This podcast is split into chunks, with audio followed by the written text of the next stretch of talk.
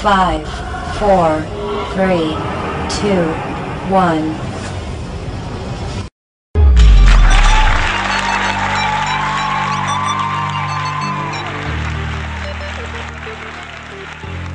Yo yo yo. Halo. Baik lagi ke podcast cerita hari lu dengan gua Darmaji. Dan gua Rere. Ya. Ketemu lagi nih, Kak. Ya, Eh, akhirnya ya kita launching lagi episode yang baru ya. Ya, betul. Aduh, di luar lagi dingin banget nih, Kak. Betul. Dari kemarin hujan seharian. Bahkan kemarin gua lagi dalam trip mau pergi ketemu sama orang kehujanan di jalan. Kehujanan, Hmm. betul. Jadi bikin mood malam itu bener-bener drop banget sih gua. kemarin gue pulang abis dari rumah nenek. Ah. Mau balik ke sini cuma jalan ya harusnya paling cuma satu kilometer dua kilometer gue habisin satu jam di jalan siapa yang kemarin kejebak di jalan S Parman Boleh dijawab nanti di Ya, kolom komentar betul. di Instagramnya kita di cerita hari lu @cerita hari lu. Ya boleh teman-teman ceritain pengalaman kemarin tanggal 25 Desember itu siapa sih yang kejebak di depan Taman Anggrek, Ciputra, Land dan Central Central Park. Park. karena kemarin macetnya luar biasa. Ya. Katanya sih dengar-dengar ada kembang api ya. Wih, Ya mungkin karena acara itu jadinya macet. Jadi membludak Orang-orang ya? tuh kayaknya antusias mau lihat kembang api. Eh, tambah lagi ternyata kemarin lagi liburan karena Natal. ternyata hujan. Gak tahu tuh jadi apa enggak. Oke, baik lagi sekarang kita akan ngebahas tentang topik yang lagi vir- viral banget ya, ya belakangan cukup, ini. cukup viral gue nggak tahu sih seberapa viral tapi eh, jadi berita ini gue dengar waktu ada di Bali kemarin Hmm, oke. jadi waktu di Bali pas lagi istirahat gue buka TV terus nontonnya berita. Kebetulan channelnya kepencetnya berita. Oke. dan berita yang muncul tau nggak? Apa sih kak? Hmm, soal apa nih? tentang ojol. Oke. drama ojol. Apa nih? Tapi kalau teman-teman tahu kan ada Instagram akunnya dramaojol.id itu? Yes. nah itu kan lucu-lucuan. Ah. kalau ini bukan sesuatu yang lucu-lucuan nih kak. Apa nih? Maksudnya lebih ke arah apa nih, Kak? berita yang kemarin gue dengar adalah gini. Eh, sekarang marak prank ojol di YouTube YouTube channelnya orang-orang yang kreatif di luar sana mereka bikin orderan fiktif pak Bikin orderan fiktif. Ya. Oh, gua ngerti. Jadi kayak ya udahlah gua pesen makanan sampai berjuta-juta terus abis itu ternyata tidak ada orangnya Oh, oke. gitu makanya dinamakan orderan fiktif tapi yang kemarin sempat gue dengar itu em, ada sat- salah satu driver online apa bukan online shop ya on- online Ojek online ojek maksudnya. online ini eh, dia bunuh diri karena stres atau frustasi atau depresi karena ada dia kena dia jadi korban si orderan fiktif ini Itu sempat viral ya? Maksudnya masuk kemarin ke sempat berita. masuk berita gue dengarnya justru dari berita Oh, oke. dan setelah eh, mungkin memang nggak nggak cari berita detailnya sih tapi kemarin setelah itu gue tuh jadi penasaran gue lihat-lihat di YouTube dan gue lihat beberapa youtuber yang ada mereka justru sedang melakukan aksi protes beberapa dari mereka membuat konten yang akhirnya anti prank Oke. gitu jadi mungkin hari ini kita mau bahas nih sebenarnya apa sih prank terhadap eh, ojol-ojol ini terus prank itu sendiri apa seperti Iya. apa, akibatnya seperti apa. karena menurut gue ini cukup topik yang cukup menarik buat kita diskusiin bareng-bareng Betul. Oke, mungkin dari awal kita mau bahas dulu sih kenapa tiba-tiba prank ojol ini bisa viral itu seperti apa sih? Awal asal mulanya prank ini seperti apa gitu? kalau menurut gua ya ya sebenarnya prank ini kan bukan sesuatu lagi yang eh, asing ya di telinga kita gitu. Ah. Gua sendiri udah dengar- udah nonton YouTube itu sudah sejak lama dan gua sendiri penggemar channel-channel yang aneh-aneh gitu. Jadi di YouTube Saya suka lihat channel YouTube ya, Kak. ya Terus dan gua dulu hobi juga sebenarnya lihat yang prank-prank gitu. Jadi menurut gua prank itu sebenarnya kayaknya kita tuh niru dari orang luar karena di di luar sana tuh sudah banyak mereka yang bikin prank bahkan lebih ini kayaknya lebih heboh gitu dan Oh. ekstrim. Ada beberapa yang gue pernah lihat satu eh, mereka dalam satu channel tuh paca- pacaran. ah, Entah yang cowoknya punya channel sendiri atau ceweknya sendiri atau mereka berdua. ah, Tapi mereka tinggal satu apartemen dan Oke. mereka tuh kerjaannya tuh ya ganti-gantian, ceweknya ngeprank cowoknya, cowoknya ngeprank ceweknya. Dan banyak banyak lagi lah dari tengah-tengah pertemanan mereka. Jadi kayaknya kita yang menonton akhirnya kita terinspirasi. I mean tapi ngepranknya itu sampai benar-benar konteksnya seperti ini gak sih? Mak- Maksudnya sampai salah satu pasangannya itu waduh sedih, marah atau apa gitu. Sampai tahap seperti itu atau cuman bercanda biasa aja nih? Nah, kalau dari video itu ada juga yang ya tapi nggak tahu sih kita nggak bisa tahu itu sengaja dibuat atau enggak cuma ada juga yang memang sampai marah satu video yang gue pernah lihat sampai cowok jadi ceweknya pura-pura selingkuh Oke? karena cowoknya duluan pernah bikin prank pura-pura selingkuh tapi itu berakhir dengan yaudah ketawa-ketawaan doang tapi waktu ceweknya bikin balesan ke cowoknya ceweknya pura-pura selingkuh Hah? cowoknya marah dong Oke. tendang TV bener-bener TV-nya tuh dihancurin Oke. Gitu, oke, jadi- jadi efeknya benar-benar sampai ya, ini ya. tapi gua nggak tahu itu bagian dari konten atau memang kejadian real yang di luar di luar konten yang di luar skenario gitu jadi ya kalau menurut gue sih konten-konten seperti itu datangnya dari luar jadi kita tuh karena ya sebenarnya gua akui memang itu lucu jadi kayaknya kita terinspirasi dan kira banyak orang yang mulai memulai bikin satu dua akhirnya menjamur Oke, jadi berkaca dari uh, konten prank yang di luar itu kemudian diadopsi lah ke Indonesia ya. Iya betul. Terus eh, kayaknya sih kalau kan kita sekarang lagi mau bahas yang pranknya si ojol ini nih ya. Ya. Kalau prank yang kita mau ulas mungkin lebih ke arah prank yang negatif ya, Ya. bukan prank-prank yang memang lucu, memang kita bisa nikmati. Cuma mungkin ada batasan dari dari prank-prank itu sendiri. Kenapa sih adanya prank-prank yang negatif itu menurut gue sih karena si pembuat konten ini dia kurang menyadari akibat dari konten tersebut. Uh, sorry menurut lu kak, lebih fokusnya itu dia pengen buat konten konten konten supaya Lucu, bagaimana caranya lucu, biar lucu. lucu. viral, lucu viral. Yes. Balik lagi ke ads. Setuju, lucu dan viral. Nah, terus Gitu, jangan jadi- lupa mikirin efek dari kon- uh, efek dari kontennya itu sendiri mempengaruhi orangnya seperti apa gitu ya. Ya betul karena ini mungkin jauh dari sebelum tren prank itu sendiri muncul. Dulu pernah ada ingat gak pernah nonton Just for Love? Ah itu, Nah, itu mungkin- konten yang gue pernah bilang mungkin mungkin anak-anak eh, milenial nggak tahu nih. Just for Love buat orang-orang tua kayaknya jadi dulu tuh ada Just for Love acara berburu khusus buat ngerjain orang kan? Yes, tapi betul. di situ bener-bener batasannya terlihat jelas Kelihatan, gitu. Mereka cuma sekedar bikin lucu-lucuan dan kalaupun korbannya marah disiarin loh di TV Ya. langsung dipanggil kan dikasih Ya, tahu gitu betul. di- didamaikan di momen itu. Tapi waktu itu satu acara yang gua nggak tahu resmi atau enggak dan Kak Aji pernah nonton atau enggak nggak tahu teman-teman juga pernah lihat atau enggak. Jadi ada satu prank yang anaknya itu masuk ke dalam kotak pos. Ah, jadi cuma mau lucu jadi orang mau ngirim pos terus keluar- Dikeluarin, kita kan? keluarin kita buang. Dan akhirnya anak itu kebetulan waktu itu yang lewat adalah bapak-bapak yang katanya sih temperamen Oh. kalau dibaca dari beritanya katanya temperamen dan ketika suratnya dibuang dan dia tahu dia lagi dikerjain dia marah ditembak anaknya mati di tempat waduh. nah itu tapi di luar Oke. tapi maksudnya itulah kenapa maksud gue itu kan ses- sesuatu yang sebenarnya tidak direncanakan tidak diduga tapi eh, ada juga hal-hal lain yang sampai kecelakaan lah Hmm. ke mana yang waktu itu prank pocong kayaknya di Indonesia deh itu prank pocong pura-pura jadi pocong dari depan muncul Oke. terus orangnya mundur dong takut dong mundur di mobil dong Ah. ternyata di belakang mau muncul lagi ternyata yang di belakang ketabrak atau Oh. dari belakang muncul terus di depan muncul yang di depan ketabrak dulu pada yang tabrak depan apa belakang tapi akhirnya mengakibatkan ada yang luka Meninggal ya? Oh. luka kalau itu luka nggak Oh, sampai oke. meninggal tapi ya itu berkembang berkembang berkembang sampai sini mungkin orang cuma ngejar lucu-lucunya jadi kurang mempertimbangkan Hmm. efek sampingnya Iya. seperti apa ya maksudnya apa yang akan diakibatkan buat uh, orang yang di prank Ya, ataupun betul. uh, orang yang melakukan prank itu sendiri Betul. Dan dari YouTube sendiri kan YouTube bebas banget ya. Kita mau bikin konten apa pun selama tidak berbau pornografi kayaknya ya Hmm. dan tidak berbau yang negatif banget.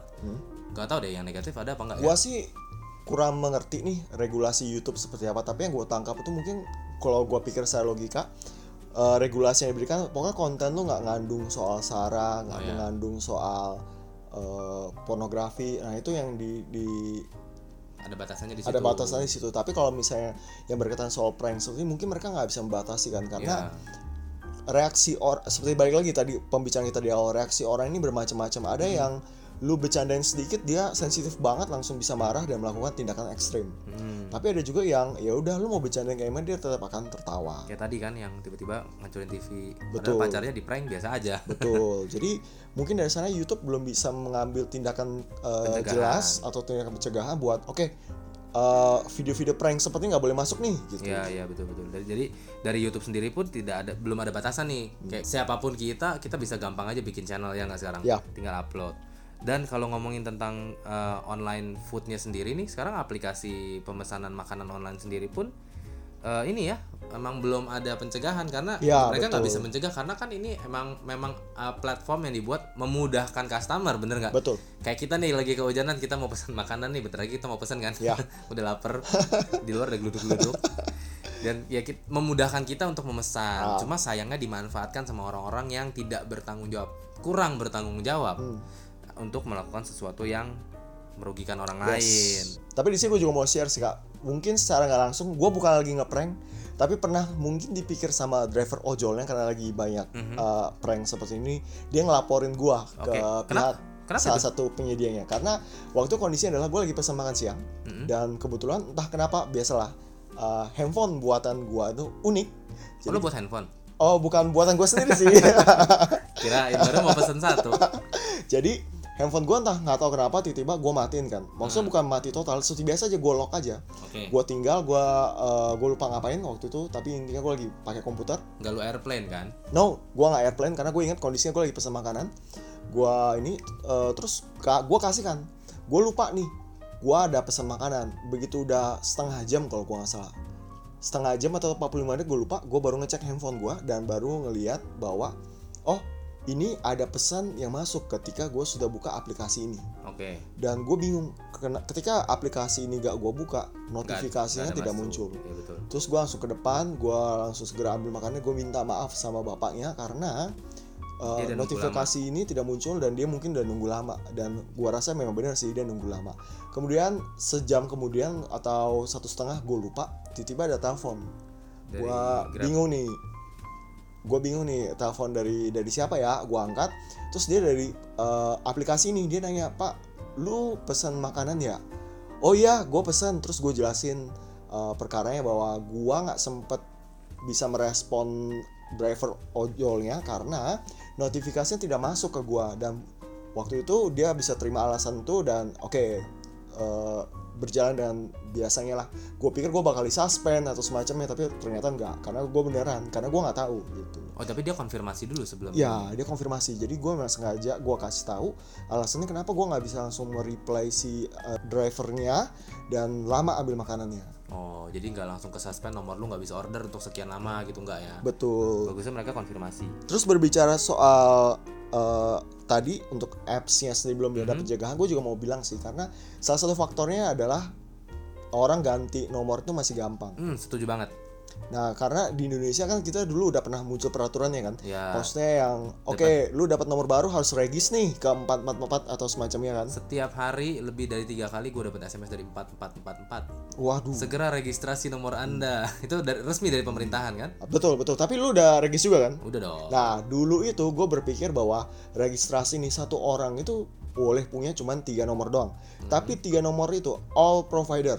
oke Hingga suatu hari gua datanglah ke salah satu gerai provider nih karena gue pengen beli eh, wifi router wifi yang mobile itu loh kak. Nah gue mau beli itu.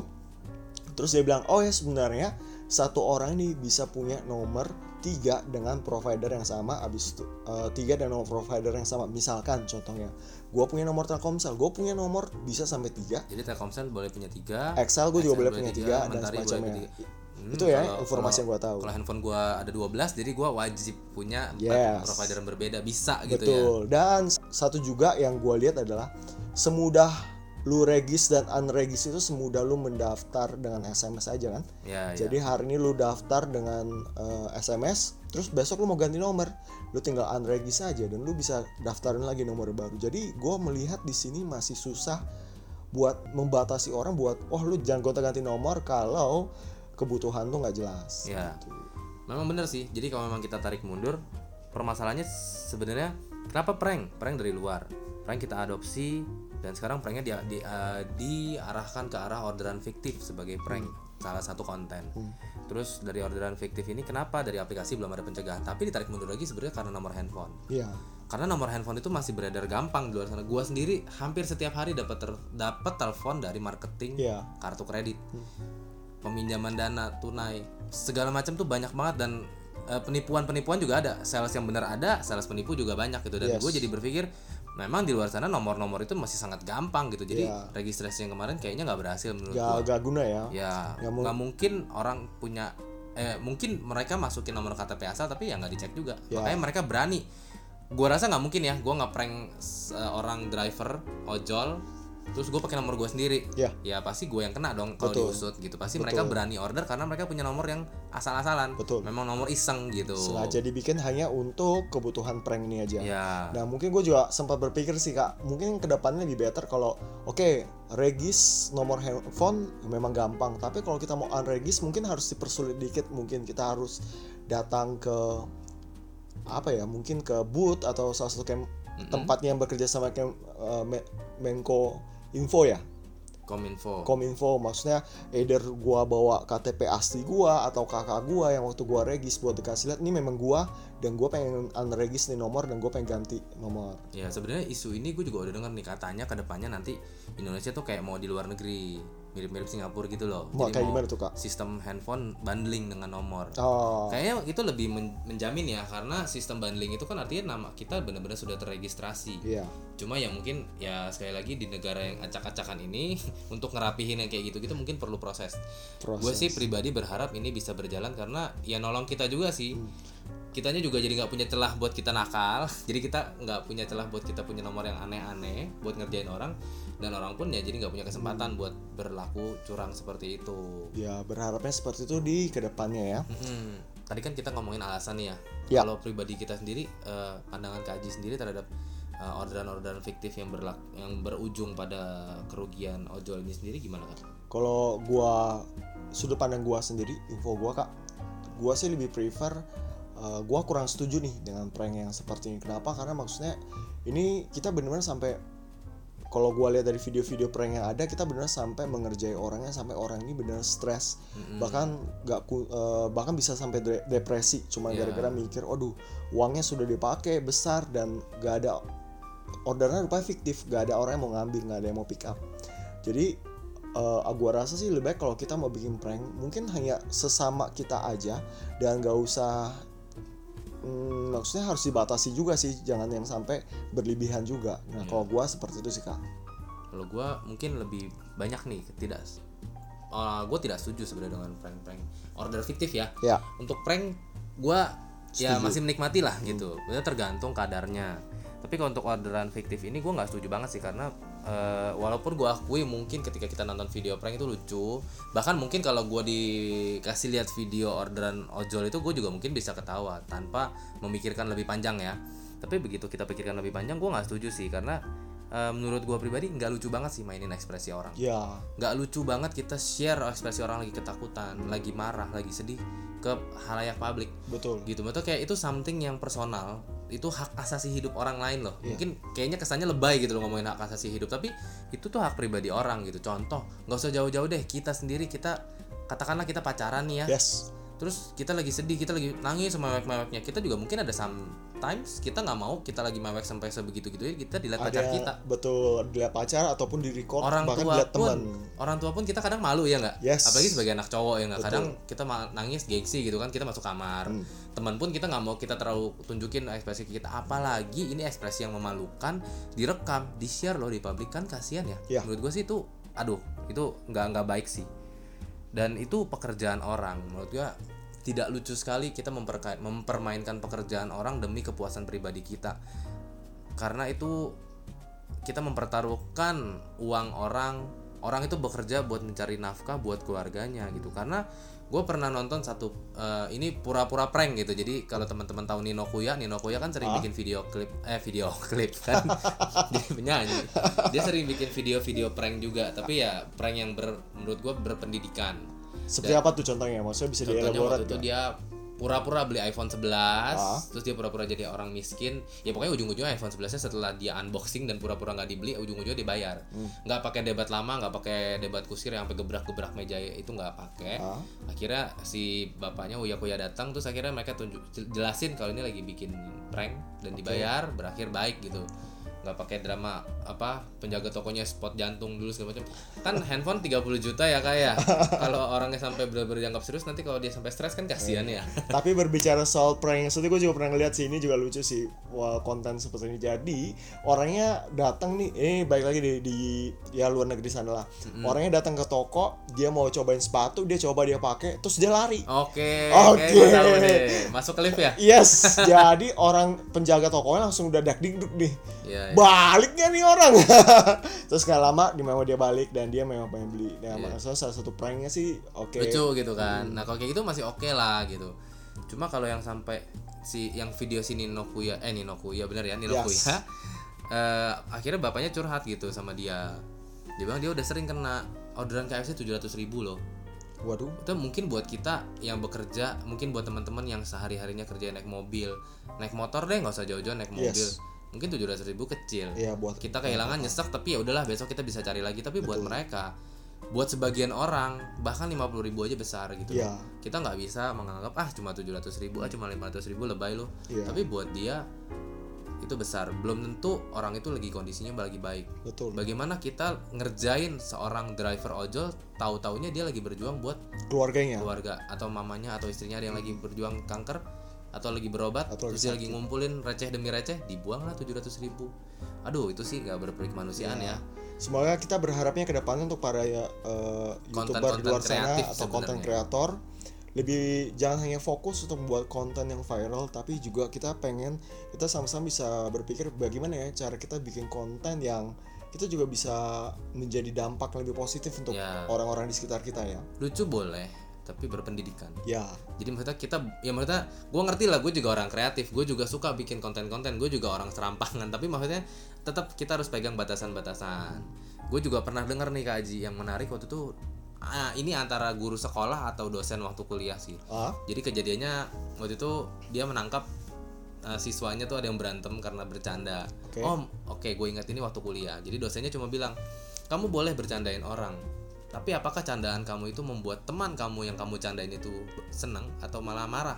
Oke. gitu. Jangan kamu candain orang tapi kamu senang dia marah. Itu namanya tidak bukan itu namanya bukan candaan gitu. Oke. itu it's not a joke gitu. Itu buat kamu doang gitu. Jadi menurut gue ini cukup baik diterapkan di ini gitu. Maksudnya kayak lu bikin prank tapi korban lu seneng nggak nih? Gitu jangan ya jangan sampai merugikan orang lain aja sih Iya, setuju sih kak. Maksudnya setuju. Jadi lebih baik kita fokus buat bikin eh, konten lebih positif ataupun kalau kita mau melakukan prank lagi, paling nggak fokusnya jangan sampai kita bikin orang rugi lah ya. ya jangan sampai merugikan orang lain lucu boleh tapi berpendidikan itu yang benar-benar gua harapin jadi mungkin konklusi kita hari ini kita nggak banyak ngomong hari ini ya kita mau Ya. kenapa kita angkat ini karena ya berharapnya eh, Buat teman- teman-teman yang dengerin ya, kali ya. teman-teman dengar mungkin banyak orang kreatif di sini ya kalaupun mau bikin sesuatu konten bikinlah suatu konten yang menghibur dan uh, positif. menginspirasi Ya. menghibur positif menginspirasi dan jangan merugikan orang lain itu aja sih kesimpulan Ya. Dan mungkin kalau untuk teman-teman kali ini